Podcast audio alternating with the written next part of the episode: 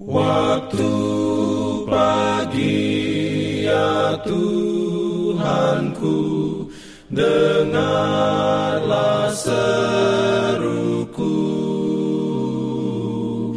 Melayang doa yang sungguh Memandang padamu. Selamat pagi pendengar Radio Advent Suara Pengharapan Mari mendengarkan suara Tuhan melalui tulisan pena inspirasi agama yang bersinar. Renungan harian 11 Oktober dengan judul Israel bersukacita karena diterima kembali.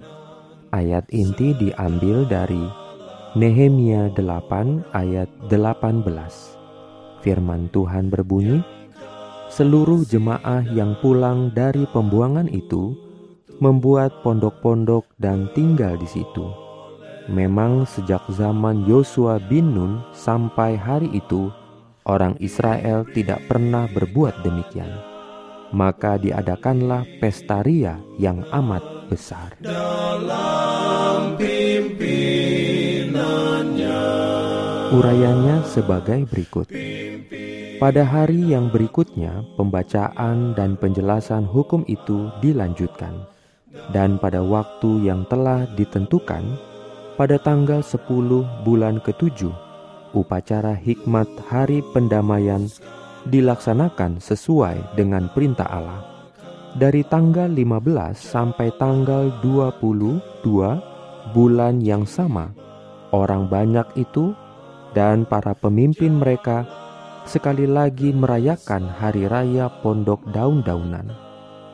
Telah dimaklumkan di semua kota mereka dan di Yerusalem harus disampaikan berita dan pengumuman yang berbunyi, Pergilah ke gunung, ambillah daun pohon zaitun, daun pohon minyak, daun pohon murad, daun pohon kurma, dan daun dari pohon-pohon yang rimbun guna membuat pondok-pondok sebagaimana tertulis.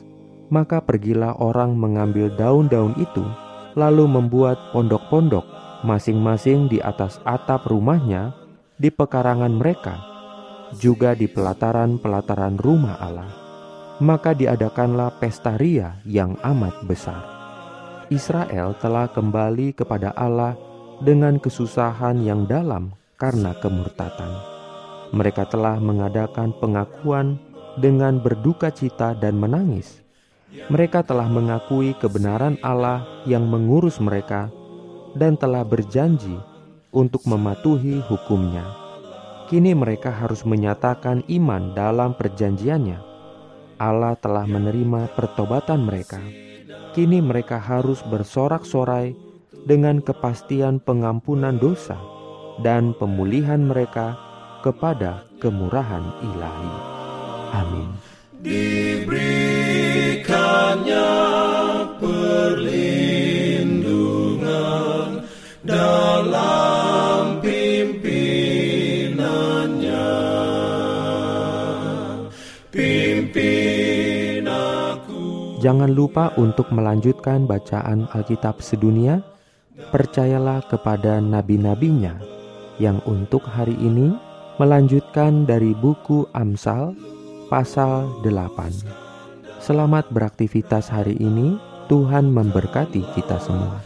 Jalan kewajiban,